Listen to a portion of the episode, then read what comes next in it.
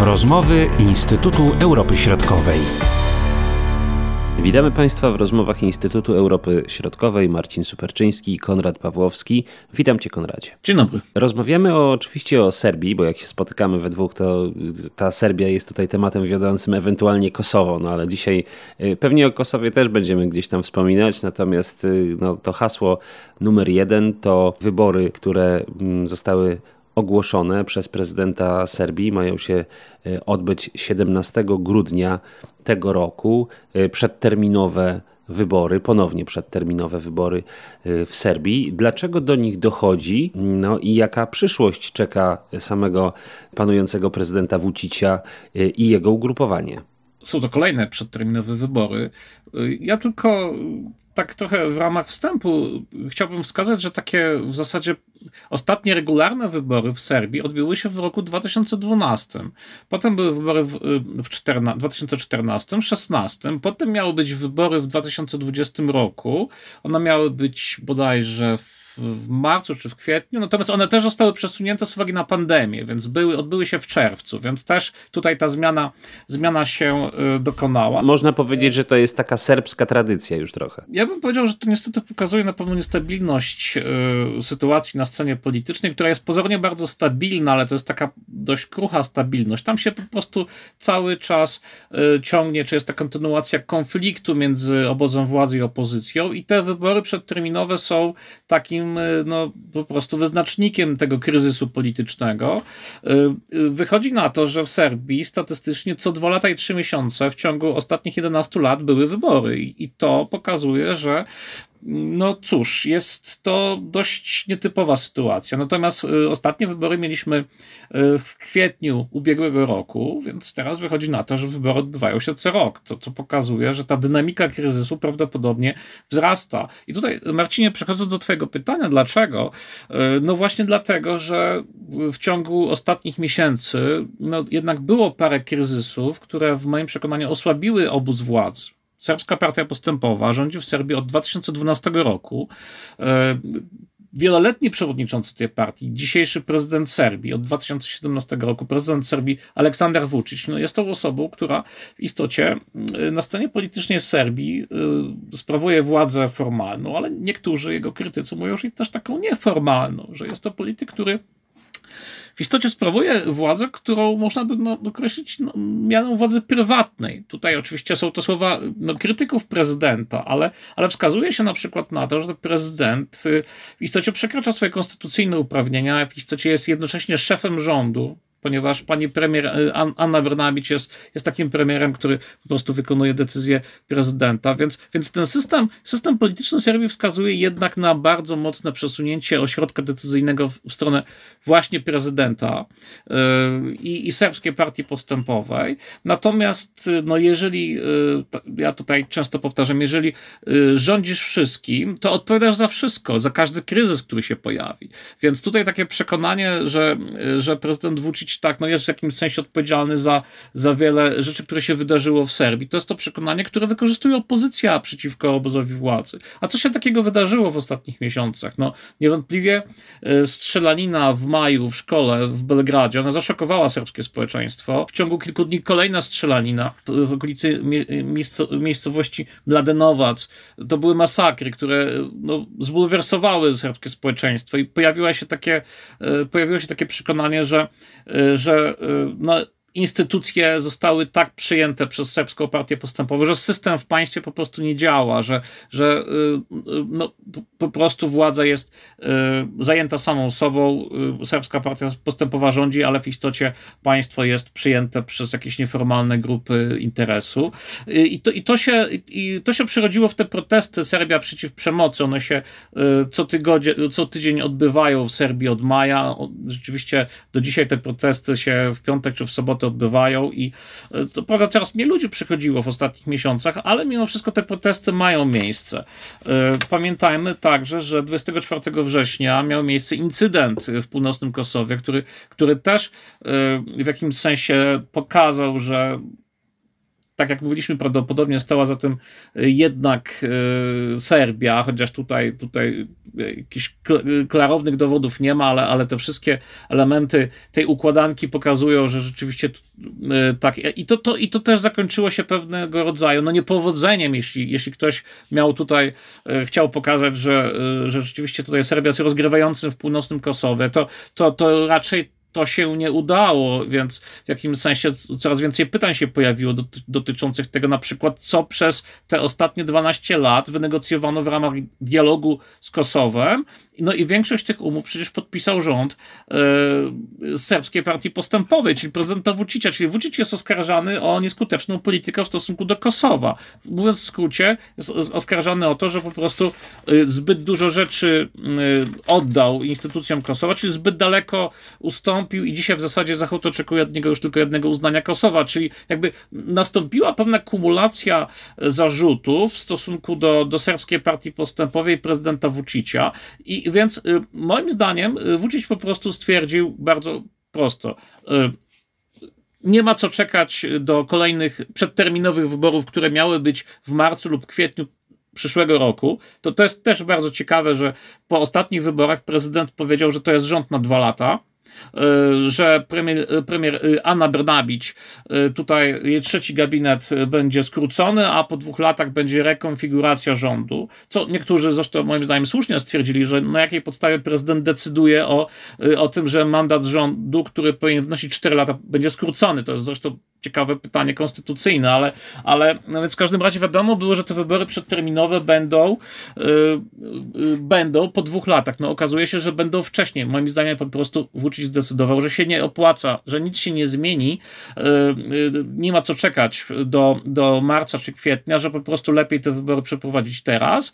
Moim zdaniem, znaczy też bardzo długo zwlekano z podjęciem decyzji oficjalnej o wyborach. To też jest, jest jakby część odpowiedzi na twoje pytanie, pytanie, bo pod koniec września chyba 20 burmistrzów, przewodniczących i rad gmin podało się do dymisji. I to była sugestia, że te wybory się odbędą, bo, bo to te wybory, powtórzmy, one też, też są wybory częściowo lokalne, więc, więc tutaj była sugestia, że oni się podają do dymisji po to, żeby, żeby, żeby te wybory się jednak odbyły. 25 października prezydent oficjalnie stwierdził, że wybory się odbędą, no i 1 Y, listopada oficjalnie ogłosił, że podejmuje decyzję o rozpisaniu nowych wyborów. Są to wybory y, parlamentarne, wybory do 66 y, rad gmin. To, to, to są wybory i, to, gmin, ale też przy okazji organów samorządu miejskiego, bo tam chyba 12, 12 miast jest, jeśli dobrze pamiętam, więc to są też częściowo wybory samorządowe i także mają się odbyć wybory przedterminowe dla, dla parlamentu wojewodiny, tutaj jest to okręg autonomiczny, natomiast jeszcze one formalnie nie zostały ogłoszone, więc, więc tutaj w dalszym ciągu zwlekają z podjęciem tej decyzji, ale, ale należy się spodziewać, że one też zostaną wkrótce ogłoszone. Te wszystkie daty, ta kumulacja pokazuje, że jest to Y, że jest to trochę takie no, niestabilne, czy, czy nawet chaotyczne. Y, jeszcze pod koniec października były wątpliwości, czy prezydent rzeczywiście ogłosi te wybory. Czyli no, takie przekonanie, że prezydent ogłosi albo i nie ogłosi. I, i to, to rzeczywiście mówiono w Serbii o tym, że no, Vucic zdecyduje o ogłoszeniu wyborach w momencie, kiedy będzie mu to pasowało. I tak się rzeczywiście stało. I no, tak jak powiedziałem, wydaje się, że po prostu prezydent stwierdził, że nie ma na co czekać. Y, dlaczego wybory są tak często? Dlatego, że w ten sposób y, prezydent swoje zaplecze polityczne mobilizuje po prostu y, no, zmusza, zmusza to zaplecze polityczne do, do organizacji, do tej wytężonej pracy wyborczej. Y, w, ten, w tym sensie niektórzy zostaną w rządzie, niektórzy odpadną, niektórzy będą posłami, więc to jest y, mobilizowanie swojego zaplecza, mobilizowanie elektoratu serbskiej partii postępowej. Też jest to bardzo krótki okres kampanii wyborczej, więc mam wrażenie, że prezydent uważa, że, że tutaj ta opozycja no, nie zdąży się szybko zorganizować, nie przeprowadzi tej tak takiej sprawnej kampanii wyborczej, więc krótki okres może być na korzyść obozu władzy. Zresztą ta opozycja też jak zwykle jest podzielona, więc tutaj o opozycji jeszcze sobie porozmawiamy. Więc wydaje mi się, że, że, że to są te powody. Być może, jak na co niektórzy zwracają uwagę, być może w nowym roku w ramach tego tak zwanego dialogu z Kosowem, być może rzeczywiście coś się wydarzy, o czym jeszcze nie wiemy. I tutaj jeden z analityków serbskich zadał takie pytanie, właśnie co się może wydarzyć. Być może to będzie odpowiedź na pytanie, dlaczego prezydent przyspieszył tą decyzję o ogłoszeniu wyborów. Pewnie y, jakaś forma jednak pod wpływem tak zwanych dyplomatycznych nacisków z Zachodu, no jakaś forma y, porozumienia z Kosowem. Będziemy bliżej jakiejś normalizacji tych relacji, bo jednak tutaj tego, tego społeczność międzynarodowa oczekuje. Y, więc i, i też bym jeszcze jedną rzecz tutaj powiedział. No te protesty Serbia przeciwko przemocy, one, one w pewnym momencie ci protestujący te partie, jak zwane europejskiej demokratycznej opozycji, one się domagały organizacji wyborów. I Vucic w zasadzie może powiedzieć, chcieliście wyborów, proszę bardzo, są wybory. Te wybory prawdopodobnie serbska partia postępowa wygra, ale po zwycięstwie, moim zdaniem, prezydent liczy na to, że to zwycięstwo do, doprowadzi do osłabienia tych y, argumentów, które, które opozycja y, y, przeciwko niemu wysuwała, wskazując na naruszenia standardów demokracji, praworządności, ponieważ Vucic będzie mógł po wyborach powiedzieć, były wybory, wygraliśmy wybory, wasze zarzuty były takie, ale społeczeństwo zdecydowało tak, więc to byłyby takie odpowiedzi na pytania, na pytanie, dlaczego teraz wybory, natomiast ja bym powiedział, że rzeczywiście jest y, bardzo specyficznie, y, mówiąc o mm, tych wszystkich decyzjach i mówiąc o, o jednym polityku. To jest sytuacja dość, y, dość nietypowa. W skrócie, tak bym powiedział, że prezydent Vucic po prostu podjął tę decyzję w momencie, który wydawał, wydawał mu się najbardziej korzystny politycznie i, i to na to na to wszyscy Serbowie, serbscy analitycy wskazują, że taka jest logika tej decyzji. Jak wygląda na dzisiaj poparcie dla poszczególnych partii? Bo tak z tego co czytałem, to gdzieś w tych najlepszych prognozach Vucic i jego ugrupowanie może liczyć na ponad 40% poparcia, tam chyba 44% gdzieś spotkałem się z, takim, z takimi informacjami.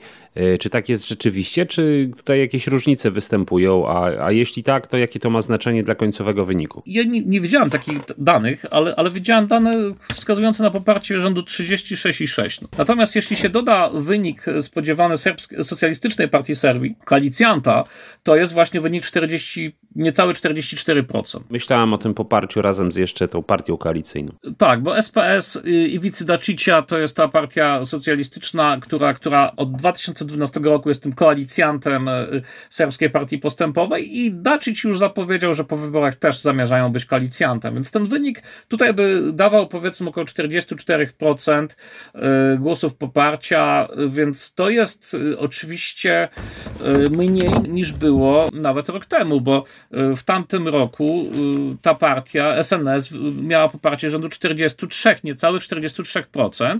SPS y, tutaj jest 11% i prawie 11,5%, teraz jest 7%. Więc co z tego wynika? No wynika z tego, że SNS mm, i SPS w ostatnich miesiącach straciły część poparcia. I dlatego, dlatego opozycja, tak zwana demokratyczna opozycja, która organizowała te protesty, ona na początku nie chciała nowych wyborów, chciała wielu zmian w państwie, które być może czasem były zbyt daleko idące, ale nie chciała wyborów. Ale jednak już y, po kilku miesiącach tych protestów opozycja nagle zaczęła się domagać organizacji wyborów. Dlaczego? No bo wydaje mi się, że to jest właśnie w tych procentach odpowiedź opozycji tej europejskiej po prostu wzrosło poparcie i y, podliczając poparcie tych partii, które będą tą najgłówniejszą częścią opozycji, jest to takie no, dość moje bardzo ogólne podliczenie, one mogą uzyskać tak między 25 a nawet 28%, chociaż może to trochę za wysoko, ale, ale niewątpliwie one tutaj, y, a te część tych partii stworzyło właśnie jedną listę, tworzył lista Serbia przeciw przemocy, więc moim zdaniem to jest powód, dla którego te partie po prostu zaczęły się domagać y, tych nowych wyborów, y, ale tak jak powiedziałem, y, czy obóz władzy traci, co, co w jakimś sensie jest logiczne. Opozycja na tych zarzutach zyskała, natomiast Dlatego też y, no, rankingi, które tutaj się pojawiają, wskazują, że są to, znaczy, że wybory prawdopodobnie wygra, tak jak powiedzieliśmy, SNS z koalicjantem i tutaj, y, nie, czy w zasadzie to wszyscy na to wskazują. Natomiast ta różnica między obozem y, opozycji a obozem władzy w parlamencie się zmieni, czyli no, obóz władzy, czy mówiąc w skrócie prezydent Vucic, jakby traci to poparcie prawdopodobnie po tych wyborach wygra, ale jednak straci część tego poparcia czyli zostanie wzmocniona y, opozycja politycznie. To takie pierwsze, pierwsze opinie, które się tutaj pojawiają. Jak będzie przebiegała kampania wyborcza? Na co możemy tutaj liczyć, czy też czego możemy się spodziewać? Jakie będą te główne tematy związane z kampanią? Czy problematyka bezpieczeństwa wewnętrznego, właśnie po tych tragicznych wydarzeniach sprzed kilku miesięcy, czy może problematyka Kosowa tutaj będzie wracać, a może jeszcze coś zupełnie innego? To są mniej więcej te same zrzuty od lat, więc y, prezydent Vucic mówi o, y, o rozwoju państwa, o stabilności, o bezpieczeństwie. Y, zresztą lista y, na czele z SNS-em y, y, ma tytuł Serbia nie ma prawa się zatrzymać.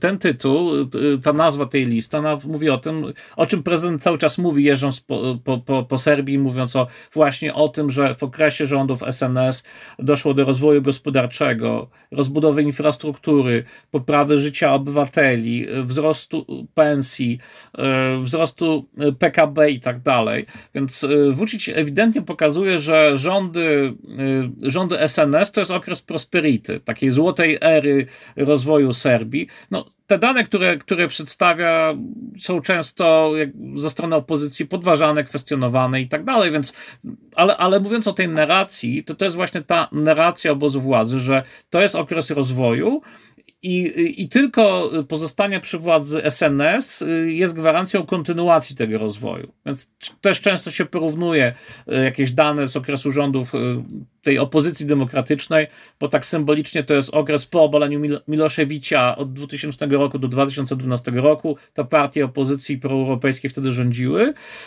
i no, oceniany, ten okres jest oceniany różnie w Serbii. Tam były skandale korupcyjne i takie oskarżenia o oderwanie się od życia tych tych polityków liberalnych, y, y, którzy, którzy wtedy rządzili, to oczywiście jest dokładnie dzisiaj są te same zarzuty w stosunku do SNS.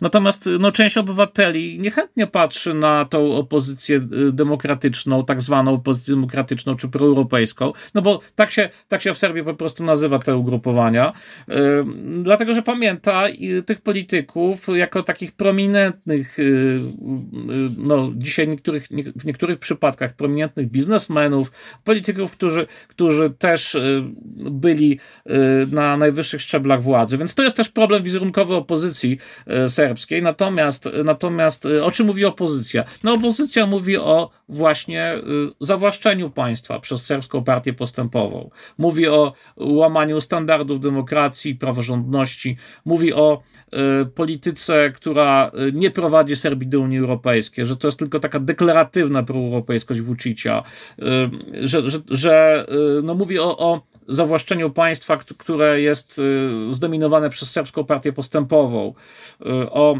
opresji, która, którą ta partia wywiera na, na życie polityczne, ale także no, powiedzmy powiązania biznesowe. W skrócie, jeżeli nie jesteś członkiem SNS-u, to, to, to możesz nie zrobić kariery w biznesie na przykład. No, takie zarzuty się pojawiają, więc to są, to są te narracje więc y, mówi się o powiązaniach mafijnych polityków SNS-u, więc to, y, i opozycja też jakby no zarzuca, że te, ten sukces gospodarczy, o którym mówi prezydent Vucic, no nie jest prawdziwy, że to są dane y, też no, częściowo selektywnie prezentowane. Oczywiście w kwestii Kosowa, to już o czym mówiłem, Vucic oczywiście podkreśla, że, że, że walczy o, o Kosowo, że tutaj nie ma y, ustępstw, że Kosowo jest częścią Serbii. Natomiast opozycja mówi, że, że te ustępstwa już się dokonały, że te rządy właśnie SNS-u spowodowały, że, że Serbia zgodziła się chociażby na włączenie czterech gmin północnego Kosowa w wymiarze instytucjonalno-prawnym, włączenie tych gmin do systemu kosowskiego. W skrócie, że uznanie Kosowa, czy też tak zwana kapitulacja, to słowo się pojawia w tym serbskim dyskursie, że to już się stało i właśnie stało się zarządów prezydenta Vucicia, że to tak naprawdę on jest odpowiedzialny y, za to, że, że te instytucje serbskie w północnym Kosowie zostały formalnie włączone do systemu kosowskiego, ale to się nie stało dzisiaj, to się stało po porozumieniu z 2013 roku, więc to był cały proces. E, więc e, temat Kosowa się tu e, pojawia i on w zasadzie jakby no jest, jest to jeden, jeden z argumentów, którym się opozycja posługuje przeciwko Vuciciowi, więc tutaj to są takie naj, najważniejsze kryteria, ale jeszcze, bo nie mówiliśmy Marcinie o partiach radykalno-nacjonalistyczno-prawicowych, bo jest też taki odłam partii. To są, part to są partie, które przez tą tak zwaną demokratyczną opozycję, e, którą tworzą między innymi, tą demokratyczną opozycję, ja mówię o tych, tą nazwą się posługuję, ale nie wymieniłem to, to jest właśnie ten blok, lista, lista Serbia przeciw przemocy, to jest przede wszystkim Partia Wolności i Sprawiedliwości, Partia Demokratyczna i blok zielono-lewicowy, tam jeszcze mniejsza partia także. To jest taka proeuropejska, demokratyczna, demokratyczno-liberalna e, opozycja, natomiast e, i to jest ta, powiedzmy, taka prawdziwa opozycja, natomiast jeszcze są te partie prawicowe i przynajmniej część z nich, z nich jest jak się czasami wskazuje w Serbii, no, w sposób nieformalny w zasadzie no nie powiem, że powiązanych z obozem władzy, czyli z serbską partią postępową, ale, ale jednak są to partie, które, które mogłyby pójść na jakieś ustępstwa i w zasadzie one pasują Vuciciowi w tej układance politycznej. Jakie to są partie? To, to, to, jest, to, jest, to są oczywiście, no pewnie ci politycy z tych partii by się obrazili na mnie w tym momencie, ale ten cały blok, powiedzmy, tej konserwatywno-narodowej, y, patriotycznej tak zwanej prawicy, to jest, to jest y, no, serbska partia radykalna, która wróciła, bo zresztą ona idzie z, z SNS-em w wyborach w Belgradzie i w wyborach lokalnych, to, to jest jednak y, dość y, no, sytuacja nietypowa, że, że, że tutaj prezydent Vucic wraca do swoich jakichś powiedzmy korzeni politycznych. No ale y, więc ta partia ona, ona ona się tu też pojawia, ale mówię o takich partiach jak Dweri, na przykład, czy Zawetnici, Nowa Demokratyczna Partia Serbii to, to są partie, które przynajmniej w moim przekonaniu niektóre z nich mogą w jakimś sensie być y, y, wsparciem y, dla Vucicia w parlamencie, chociażby dlatego, że im więcej takich mniejszych partii wejdzie do parlamentu, to osłabi to pewnie, czy wrócić pewnie na to liczy, tych partii demokratycznych. Czy, czyli te partie, one są powiedzmy radykalno-prawicowe, ale na przykład politycy tych, z tych ugrupowań nie wzywali swojego, swoich wyborców do uczestnictwa w tych protestach Serbia przeciw przemocy. To też było dość, dość nietypowe. Nie, nie mówili, żeby nie uczestniczyć, ale też nie wzywali, więc yy, i tutaj no mam wrażenie, że po prostu yy, w te, wejście tych mniejszych takich partii, które tak przy okazji one są mniej lub bardziej, lub bardziej prorosyjskie. To też kolejny wątek się pojawia. O, pasuje y, obozowi władzy dlatego, że z jednej strony tam jest system Donta, więc te, te malutkie partie, y, one, ich wpływy będą, czy liczba mandatów będzie mała, ale jednak tak jak powiedziałem, być może odbiorą trochę, trochę mandatów y, opozycji, tej tak zwanej demokratycznej. No i ich obecność w, w Skupsztynie, w parlamencie Serbii będzie w jakimś sensie wspierała obóz władzy, bo ta, takie opinie się pojawiają.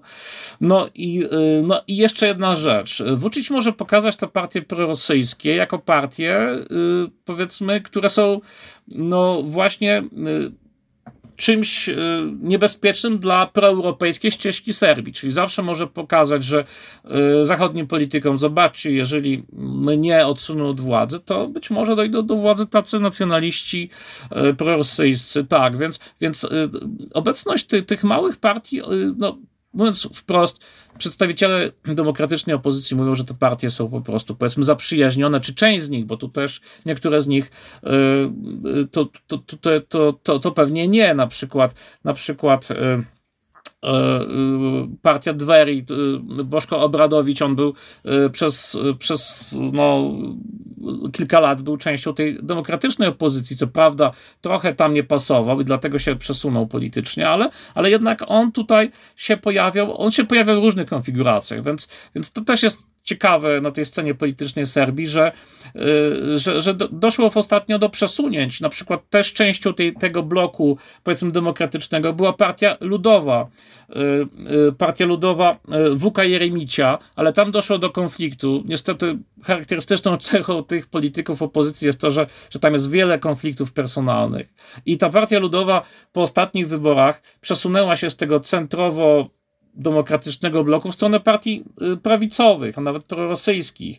I, i dzisiaj Partia Ludowa y, idzie, idzie sama do wyborów. I, i, ideą tej opozycji demokratycznej było, żeby się zjednoczyć, y, bo, bo ten system wyborczy preferuje większe ugrupowania, a nie, a nie mniejsze. Natomiast jest tak, że niestety ci byli koledzy z Partii Demokratycznej, którzy są liderami dzisiaj tych partii, oni się po prostu w jakimś sensie pewnie nie lubią, rywalizują ze sobą o, o, o pierwszeństwo w byciu liderem opozycji i na przykład no, w ramach tej listy Serbia przeciw przemocy, e, no na przykład też nie idzie partia socjaldemokratyczna e, byłego prezydenta Serbii Borysa Tadicia, który, też tworzy, e, idzie, idzie do wyborów z mniejszym ugrupowaniem koalicyjnym, ale nie jest częścią tej tak zwanej europejskiej opozycji, to znaczy w sensie instytucjonalnym, bo w sensie faktycznym to oczywiście Tadic jest, więc to rozbicie po stronie opozycji po prostu sprzyja sprzyja obozowi władzy i e, w Serbii oczywiście jest wiele, wiele różnych teorii na temat tego, czy, czy to rozbicie jest efektem właśnie zakulisowych działań ze strony, ze strony polityków związanych z obozem władzy, no ale to już są, e, to już są takie dywagacje, e, które zawsze się pojawiają przed wyborami, więc to możemy sobie zostawić. W każdym razie czekamy do 17 grudnia i do tego decydującego dnia i zobaczymy, jaki parlament się w Serbii wyłoni, jaką pozycję będzie miała opozycja. E, ta demokratyczna i, i, niekoniecznie. Y, no i oczywiście jaką pozycję będą miały te y, partie rządzące obecnie. W ostatnich wyborach Republikańska Komisja Wyborcza wyłaniała, czy nie mogła ustalić wyników wyborów przez trzy miesiące. Tam były wybory powtarzane z uwagi na, na pewne błędy formalne, więc, więc tutaj możemy raczej liczyć na to, że to nie będzie szybko, że będziemy mieli do czynienia z tak zwanym rządem technicznym, bo potem po ogłoszeniu wyników wyborów znowu będą kolejne miesiące do ukonstytuowania się parlamentu i wyboru nowego rządu. Y, to jest niestety taka tradycja, która też się pojawia, y, ale czemu to mogłoby służyć, bo, bo, bo to nie jest, nie jest przypadek. No chodzi tutaj o to, że taki rząd techniczny nie może podejmować y, jakichś bardzo strategicznych decyzji w polityce zagranicznej. Co prezydent Vucic powiedzmy stosował w ostatnich latach, kiedy mówiono, że tak jak to było rok temu, że rząd techniczny no, nie może wprowadzać sankcji przeciwko Rosji na przykład, no bo nie ma takiego mandatu, bo to wynika z konstytucji, jakichś tam jeszcze ustaw, że, że rząd techniczny ma charakter taki powiedzmy tymczasowy, więc y, w skrócie wydaje mi się, że, że ta tradycja będzie zachowana i y, kolejny gabinet, kolejny rząd to jest kwestia jednak y, kilku miesięcy. Wyniki wyborów oczywiście zobaczymy wcześniej, powiedzmy takie, takie pierwsze wyniki. Bardzo dziękuję za ten komentarz komentarz Konrad Pawłowski. Do usłyszenia, Konradzie. Dziękuję. Były to rozmowy Instytutu Europy Środkowej.